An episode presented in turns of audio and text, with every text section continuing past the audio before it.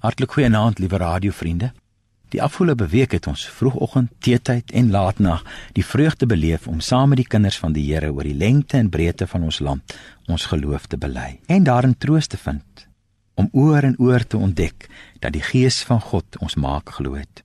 Ek is seker dat jy vroegoggend opgestaan het met die vreugde dat ons 'n Vader aanbid wat ons op die hande dra.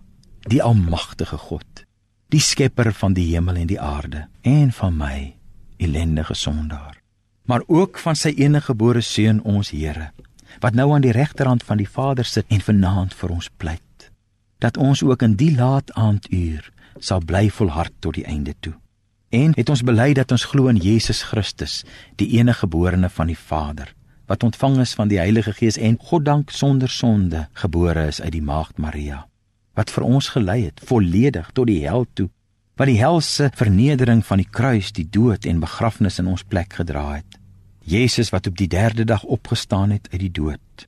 Wat ons laat uitsien na die magsdaad van God wat ook vir ons sal opwek. Ons wat bely dat ons glo in die opstanding van die vlees en die ewige lewe.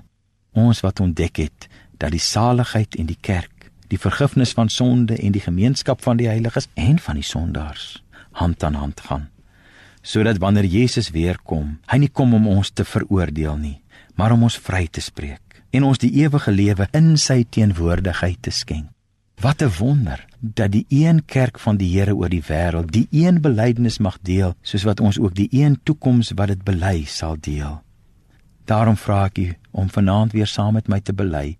Ek glo in God die Vader, die almagtige, die skepper van die hemel en die aarde en in Jesus Christus sy enige gebore seun ons Here wat ontvang is van die Heilige Gees gebore is uit die maagd Maria wat gelei het onder Pontius Pilatus gekruisig is gesterf het en begrawe is en ter helle neergedaal het wat op die 3de dag weer opgestaan het uit die dode wat opgevaar het na die hemel en sit aan die regterhand van God die almagtige Vader vanwaar hy sal kom om te oordeel die wat nog lewe en die wat reeds gesterf het Ons glo in die Heilige Gees.